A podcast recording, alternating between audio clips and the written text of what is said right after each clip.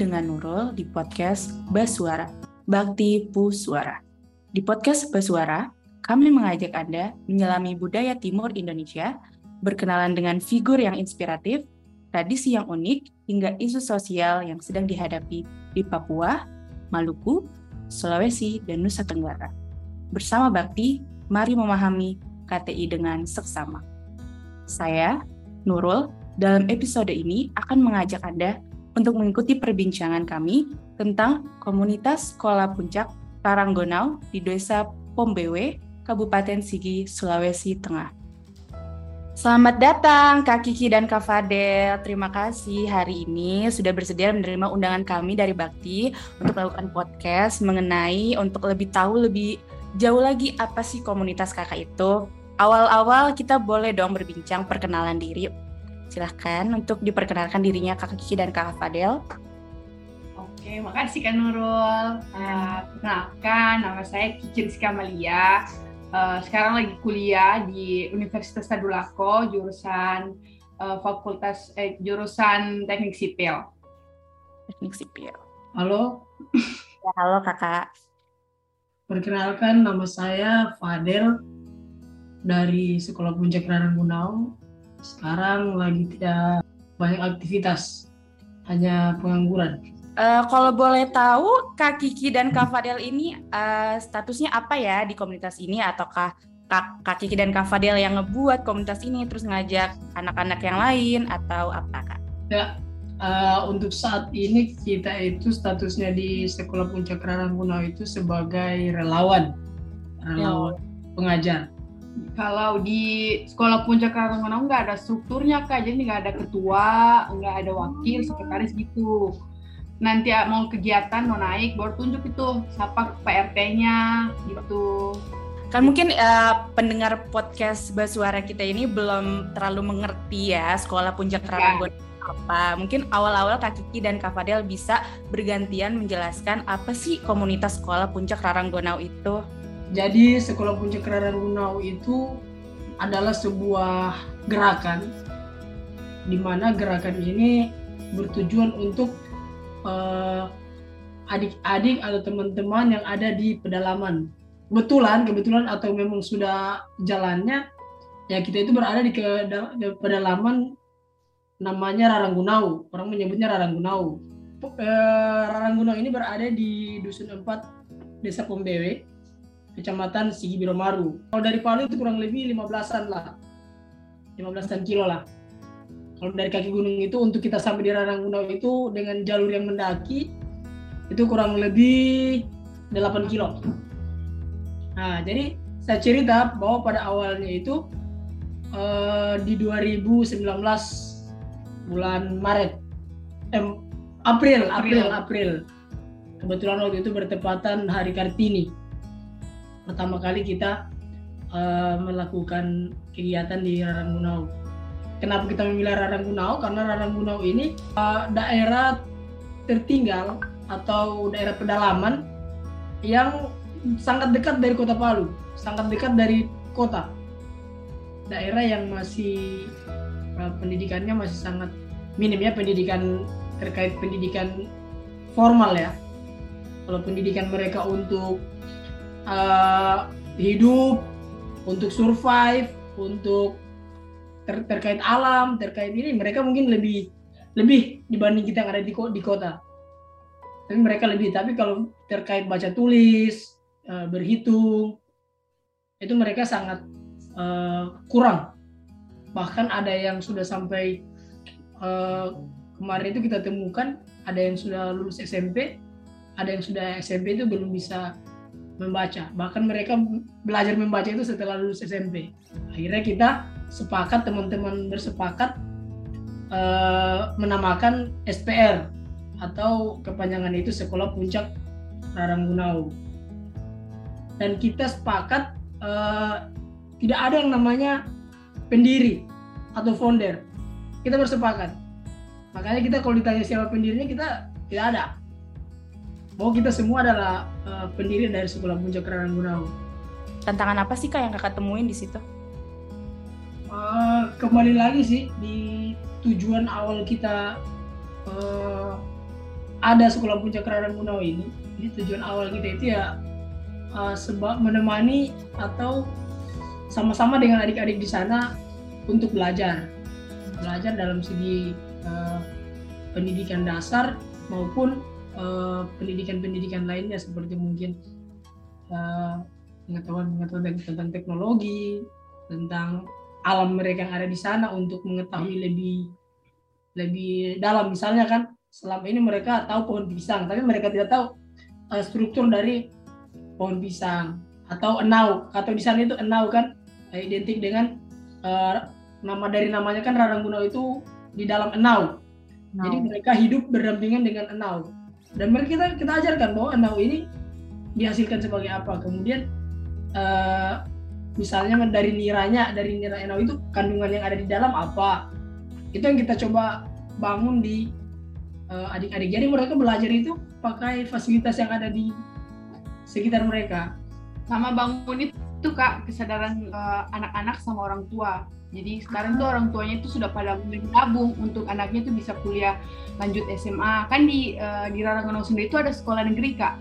Jadi uh, kita hadir untuk memberikan kritik. Semoga dengan kita hadir guru-gurunya lebih aktif. Ternyata setelah berapa tahun kita di uh, Raranggonong ternyata belum ada perubahan yang signifikan. Ya kak, berarti secara tidak langsung kakak-kakak yang ada di komunitas ini menggantikan uh, posisi sebagai guru ya? Kalau kalau kita sendiri sih tidak pernah menganggap bahwa kita menggantikan dari peran dari guru atau peran dari sekolah. Sekolah kan tetap mengeluarkan ijazah, kemudian guru uh, mengeluarkan nilai untuk adik-adik sekolah, sedangkan kita kan hanya sebagai penunjang. Misalnya kita ajarkan mereka membaca, uh, di sekolah kan mereka belum bisa bisa membaca kan? Karena tatap muka dengan guru yang sangat kurang. Guru guru lah jalan pada kursinya. Kalau kita kan memang kita di luar di luar uh, uh, sekolah yang formal. Kita punya pondok baca sendiri. Memang kalau pagi itu biasa kita gantikan posisi guru. Makanya kita ada yang namanya back to school. Masuk seperti sekolah pada umumnya tetapi kita yang mengisi. Biasanya ketika kita ada di sana itu guru nggak ada. Ada sekali dua kali selain mengajar, kegiatan utamanya ada apa saja kak? Apakah ada kegiatan sosial, budaya, kakak misalkan ngajarin menari kak, atau me mengajari tentang sejarah-sejarah Indonesia kepada adik-adik yang di daerah pegunungan tersebut? Jadi kita eh, kegiatan utamanya kita itu yaitu kalau kita bilang belajar bersama lah. Tapi kita tidak tidak menutup kemungkinan kita juga ada misalnya ada orang tua yang kita ajarkan e, cara membuat pupuk itu kita ajarkan juga mereka atau cara mengenal eh, bibit-bibit tanaman itu kita coba uh, sampaikan juga ke anak mudanya atau orang tuanya. Tapi kalau adik-adik itu kita selalu momen ya. Iya, momen. Momen. Jadi kita misalnya eh, momen 17 Agustus wisata edukasi. Jadi anak-anak di atas kita bawa turun ke Palu berwisata sambil uh, belajar. Nah, kita ajarkan mereka menari, kita ajarkan mereka tampil baca puisi, lagi ya drama. Jadi mereka bisa tampil di atas panggung. Pengembangan individu sih kak. Jadi uh, kembali lagi kita membangun kesadaran. Jadi kalau kakak-kakaknya yang lain itu sudah pintar membaca artinya uh, kalau kita tidak ada di di Rarangonau kakak-kakaknya yang ajar adik-adiknya membaca. Jadi itu sudah otomatis. Jadi mereka kalau tidak ada kita itu mereka ngajar adik-adiknya kak. Ngajar membaca menghitung mengenal huruf. Itu itu suatu prestasi buat kita sebenarnya karena kita sudah membangun uh, membangun itu kak. Kesadarannya kakak-kakaknya mereka untuk ngajar adik-adiknya mereka gitu. Dan kemudian uh, mengenai itu kan kita kan sekolah puncak Rangunau itu setiap um, buat kegiatan selalu cari momen dan cari kolaborasi.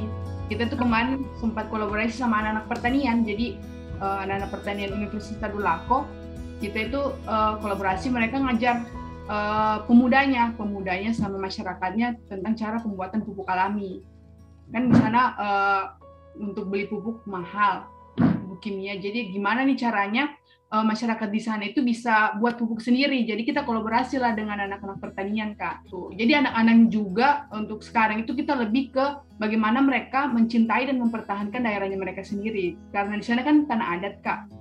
Eh, anak-anak uh, yang berada di dusun Raranggona ini kan adanya di daerah pegunungan. Apa sih yang kakak-kakak dari komunitas ini uh, lakukan untuk bisa mengakses daerah pegunungan tersebut Ya kalau berbicara tentang akses jalan itu memang lumayan sulit. Itu kan pasca gempa waktu itu. Pasca gempa eh, 28 September 2018 di Sulawesi Tengah. Jadi waktu itu jalannya memang betul-betul sangat susah. Eh, akses motor maupun jalan kaki. Eh, untuk naik motor itu kalau dulu itu hanya bisa dilewati satu orang boleh satu motor. Jadi kalau ada motor turun, tidak ada tidak bisa motor naik. Makanya kita di sekolah puncak Raranggunau itu memilih uh, untuk naik itu jalan kaki untuk menghindari uh, ya, kecelakaan atau jatuh bahkan jatuh di jurang karena kita kan tidak terbiasa dengan medan yang di gunung kan ya. tapi kalau orangnya di sana itu mereka naik motor bahkan kalau sekarang itu sudah sudah bisa mobil-mobil trek uh, atau Hilux sudah bisa sudah bisa naik untuk antar material pembangunan sekolah. Dan makanya kita biasa menempuh uh, waktu untuk naik itu dari kaki gunung itu paling cepat itu 8 jam. Eh paling paling paling cepat itu 4 jam. Dulu kan kalau dulu Kak, kita itu lewatnya itu jalur baru karena uh, sebelumnya jalur lama itu uh, tertindih sama longsor, tertimbun longsor gitu. Jadi uh, sekitar satu tahun kita itu lewat jalur baru yang dibuat sama masyarakat sendiri. Uh, untuk ke depannya nih kak, apa sih kak yang kira-kira menjadi PR dan ingin banget diselesaikan oleh SPR misalkan uh, kakak-kakak dari komunitas SPR ingin ada bantuan dari pemerintah untuk misalkan membuat uh, sekolah yang baru di dusun Raranggonau atau apa sih kak? Ya, uh, saya sampaikan sedikit. Kalau kalau dulu di awal-awal itu memang sekolahnya itu uh, sekolah papan tapi lumayan bagus lah. Kalau saya bilang sudah sangat mewah kalau untuk di daerah pegunungan sekolahnya yang sebelumnya. Tapi di 2022 itu ada bantuan dari pemerintah untuk pembangunan sekolah. Jadi sekolah mereka itu sekarang sudah mewah. Bahkan mungkin kalau dibandingkan sekolah-sekolah di kota itu sudah lebih mewah. Maksudnya mewah dari gedungnya, dari pemandangannya. Mereka kan di puncak. Jadi kota Palu dan dan hutan itu betul betul betul bisa dinikmati kalau dari sekolah mereka. Makanya kita bilang mewah sekarang ini sudah sudah selesai untuk gedung SD. Katanya gedung SMP itu akan dibangun di 2023. Harapan kita itu adalah bubar. Ya kenapa kita bubar? Uh, karena kita merasa bahwa uh, hadirnya kita sebagai kritik itu sudah sudah tidak sudah tidak diperlukan lagi.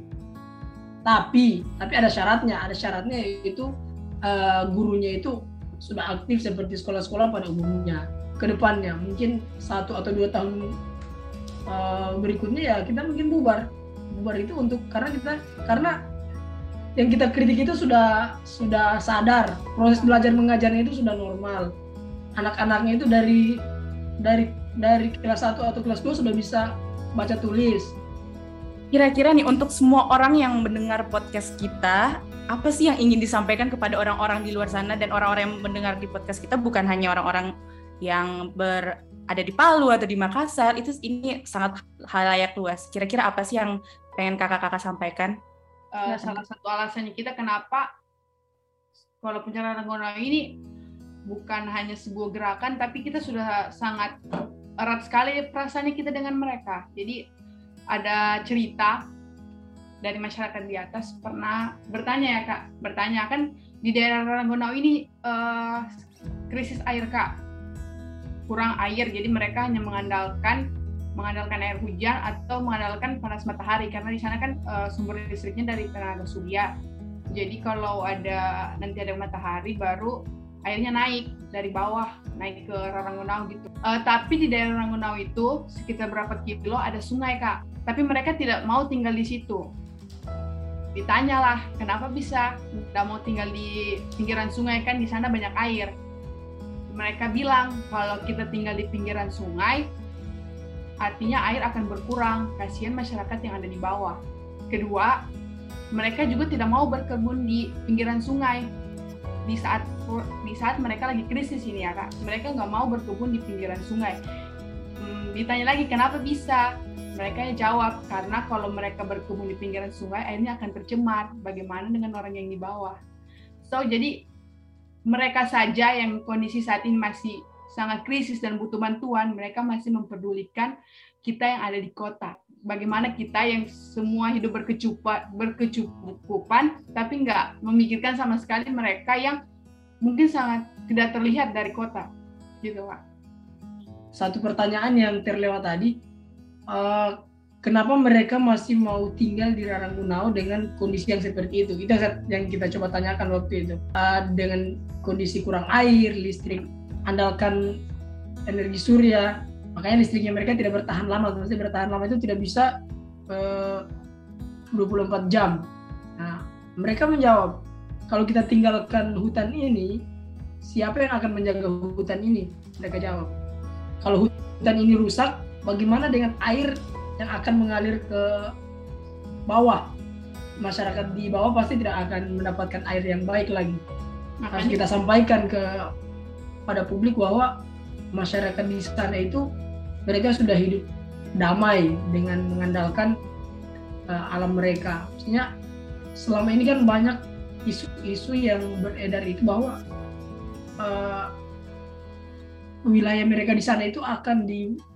dibuat tambang lah, akan dibuat perkebunan lah. Kita itu merasa bahwa itu adalah sebuah perampasan ya perampasan ruang hidup untuk mereka yang sudah hidup damai di sana. Dan memang masyarakat di sana itu kita sudah coba kumpul dengan masyarakat sana dan mereka itu uh, tidak ingin itu terjadi. Jadi harapannya kita uh, pemerintah maupun para penguasa-penguasa yang ada di Indonesia bahkan sampai di luar negeri kami mohon kami minta jangan datang lagi dan rusak kehidupan mereka. Ya, berilah mereka uh, ruang yang nyaman tinggal di sana. Kalau memang kalian ingin bantu mereka dengan supaya mereka bisa kerja ya produk-produk potensi-potensi potensi-potensi mereka di sana seperti buah-buahan uh, sayur-sayuran mari kita beli kita dukung mereka sehingga mereka bisa uh, merasa bahwa alam mereka itu sangat membantu dari segi keuangan mari kita jaga uh, saudara-saudara kita yang ada di daerah pedalaman dan jangan jadikan mereka itu sebagai objek sebagai objek kita untuk uh, apa menjadi seorang yang terkenal bahwa sudah dikatakan berbakti, sudah dikatakan apa ya? Jadi mereka itu kita jadikan objek uh, untuk kita apa ya, mendapatkan bantuan, mendapatkan uh, sesuatu sanjungan. Ya, tapi jadikan mereka adalah subjek sehingga kita bisa sama-sama tumbuh. Mereka bisa tumbuh juga. Karena banyak sangat banyak di Indonesia sekarang itu yang kejadian seperti itu perampasan lahan di daerah pedalaman atau perampasan tanah adat kan sangat banyak terjadi sekarang di daerah kita dananya kita itu kita coba jual buah-buahan sayur-sayuran yang ada di Ranggunau atau di daerah sekitar gitu kak. Kalau di awal sekali itu memang kita masih lakukan open donasi, open donasi atau uh, ya open donasi lah istilahnya. Tapi di di tengah perjalanan kita kita sadar bahwa uh, kita jangan kita tidak mau lagi menjual Jual. untuk mencari apa ya simpati. bantuan, bantuan. dana makanya kita uh, mengandalkan teman-teman yang ada di relawan sekolah puncak Raranggunau itu untuk mencari uh, sumber pendanaan. Misalnya ada bazar ada kita jual buah-buahan. Jual buah-buahan itu buah, uh, paling besar itu buah-buahan yang berasal dari sana sendiri. Misalnya alpukat. Iya. ada buah-buahan lain. Sayur-sayuran itu kita coba pasarkan di Palu untuk dan kita sudah sepakat dengan orang tuanya di sana bahwa sebagian dari keuntungan penjualan itu kita gunakan untuk kegiatan adik-adik. Tetapi kita juga tidak tidak menutup tidak menutup diri bahwa kita tidak menerima ketika orang mau ingin membantu kita kita tetap menerima uh, seperti kemarin kita dapatkan teman-teman dari teman-teman NGO itu uh, untuk bantu kita pembangunan pondok. Pondok baca. Ya kita kita kita terima mereka ingin bantu kan tapi kita tidak uh, mengajukan proposal atau uh, mengajukan diri untuk meminta dana tersebut. Mereka yang menawarkan diri oke ini kita bantu kalian karena lagi membangun kita. Uh, tapi mereka kita sarankan untuk melihat langsung. Tapi mereka yang lihat langsung kondisinya supaya di sana. uh, tahu kondisi nah, dan kita sekarang memang lagi persiapan pembangunan pondok uh, pustaka enau. Pustaka enau. Pustaka enau. Pustaka enau di mana? Uh, selain kita merasa bahwa enau itu adalah adalah identitas. sumber atau identitas, identitas masyarakat di sana. Jadi sumber pengetahuan itu ada di pondok, ada di pustaka Enau, baik sejarah maupun peninggalan-peninggalan barang-barang peninggalan di sana. Pokoknya seperti seperti museum inilah yang berada di sana. Kalau misalkan uh, di luar sana, misalkan selain NGO-NGO yang ada, misalkan komunitas-komunitas yang lainnya, atau mungkin mitra pembangunan lokal yang ingin bekerja sama dan memberi dukungan untuk uh, komunitas sekolah puncak Rarangganau ini, bagaimana caranya kak? Apakah kontak media sosial langsung, email, atau bagaimana Kak? Ya, bisa kontak uh, melalui Instagram. Paling bagusnya melalui Instagram sih awalnya. Ya, mereka melihat bagaimana proses uh, walaupun kita kurang update kalau untuk soal di media sosial. Tapi ketika ada mungkin pesan masuk pasti kita akan uh, cepat meresponnya. Bisa juga melalui nomor telepon dari Kiki yeah. untuk misalnya teman-teman ingin berkunjung, ingin uh, ketahui lebih lanjut. Yang pastinya kita itu tidak punya legalitas, kita tidak punya legalitas dan kita tidak punya struktur organisasi. Otomatis kita itu tidak mengeluarkan yang namanya proposal. Jadi misalnya ada kan misalnya NGO atau uh, apalah para pemberi donor, mereka meminta dalam bentuk proposal kan pengajuannya. Kita kita otomatis tidak punya tidak punya itu dan mungkin bisa juga kita buat tapi kita tidak punya legalitas yang pastinya itu jadi memang kalau kita uh, ada yang membantu kita ya seperti itu. Mereka kasih kita cuma-cuma kemudian ya untuk pertanggung jawabnya kita bisa. Mungkin dari segi dokumentasi kemudian bahwa dana yang diberikan itu betul-betul kita gunakan untuk di sekolah puncak Naranggunau jadi memang uh, dua tahun terakhir ini kita lagi apa ya um, bersama dengan adik-adik yang dua orang sudah lulus SMA uh, eh, dari kita maksudnya secara mentalnya, secara kemauannya untuk belajar kita coba motivasi. Dan di tahun lalu itu mereka sudah siap untuk kuliah dan orang tuanya sudah memberikan izin.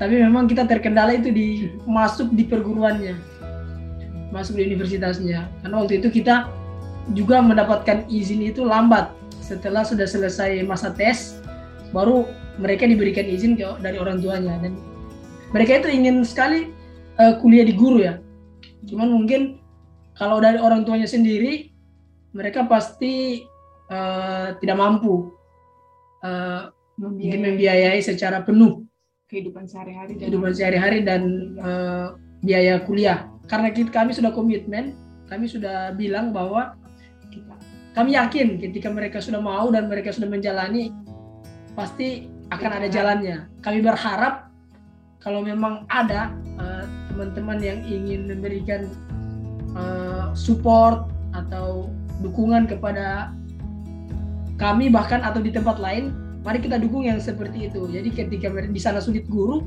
ya kita kita hadirkan anak-anak di sana menjadi guru sehingga mereka terbiasa dengan uh, yang ada di sana jadi itu harapan kami semoga di tahun ini nanti uh, dua orang adik kami itu bisa lanjut kuliah sehingga mereka bisa menjadi guru di sana. Bisa menjadi contoh juga untuk adik-adiknya jadi ya. contoh dan semangat untuk adik-adiknya untuk terus belajar gitu lah belajar. Kami berpesan uh, khusus untuk Universitas Tadulako di tahun ajaran berikutnya ini uh, semoga adik-adik kami bisa masuk di sana untuk Pak Rektor Pak Rektor ya Pak Amar kami kenal Pak. kami kenal rektor barunya Untat Pak Amar uh, bantu kami untuk adik-adik kami bisa mendapatkan uh, bisa kuliah di Universitas Tadulako dan mendapatkan uh, beasiswa. Ya. Karena mereka ingin jadi guru. Sekolah Puncak Karanggonau? Ceria. Ceria. Cerdas. Dan berbakti. Terima kasih kakak-kakak. Berikut adalah lagu persembahan dari kakak-kakak komunitas Sekolah Puncak Raranggonau untuk para pendengar podcast. Maria sang ngatakodi ritana sigi riba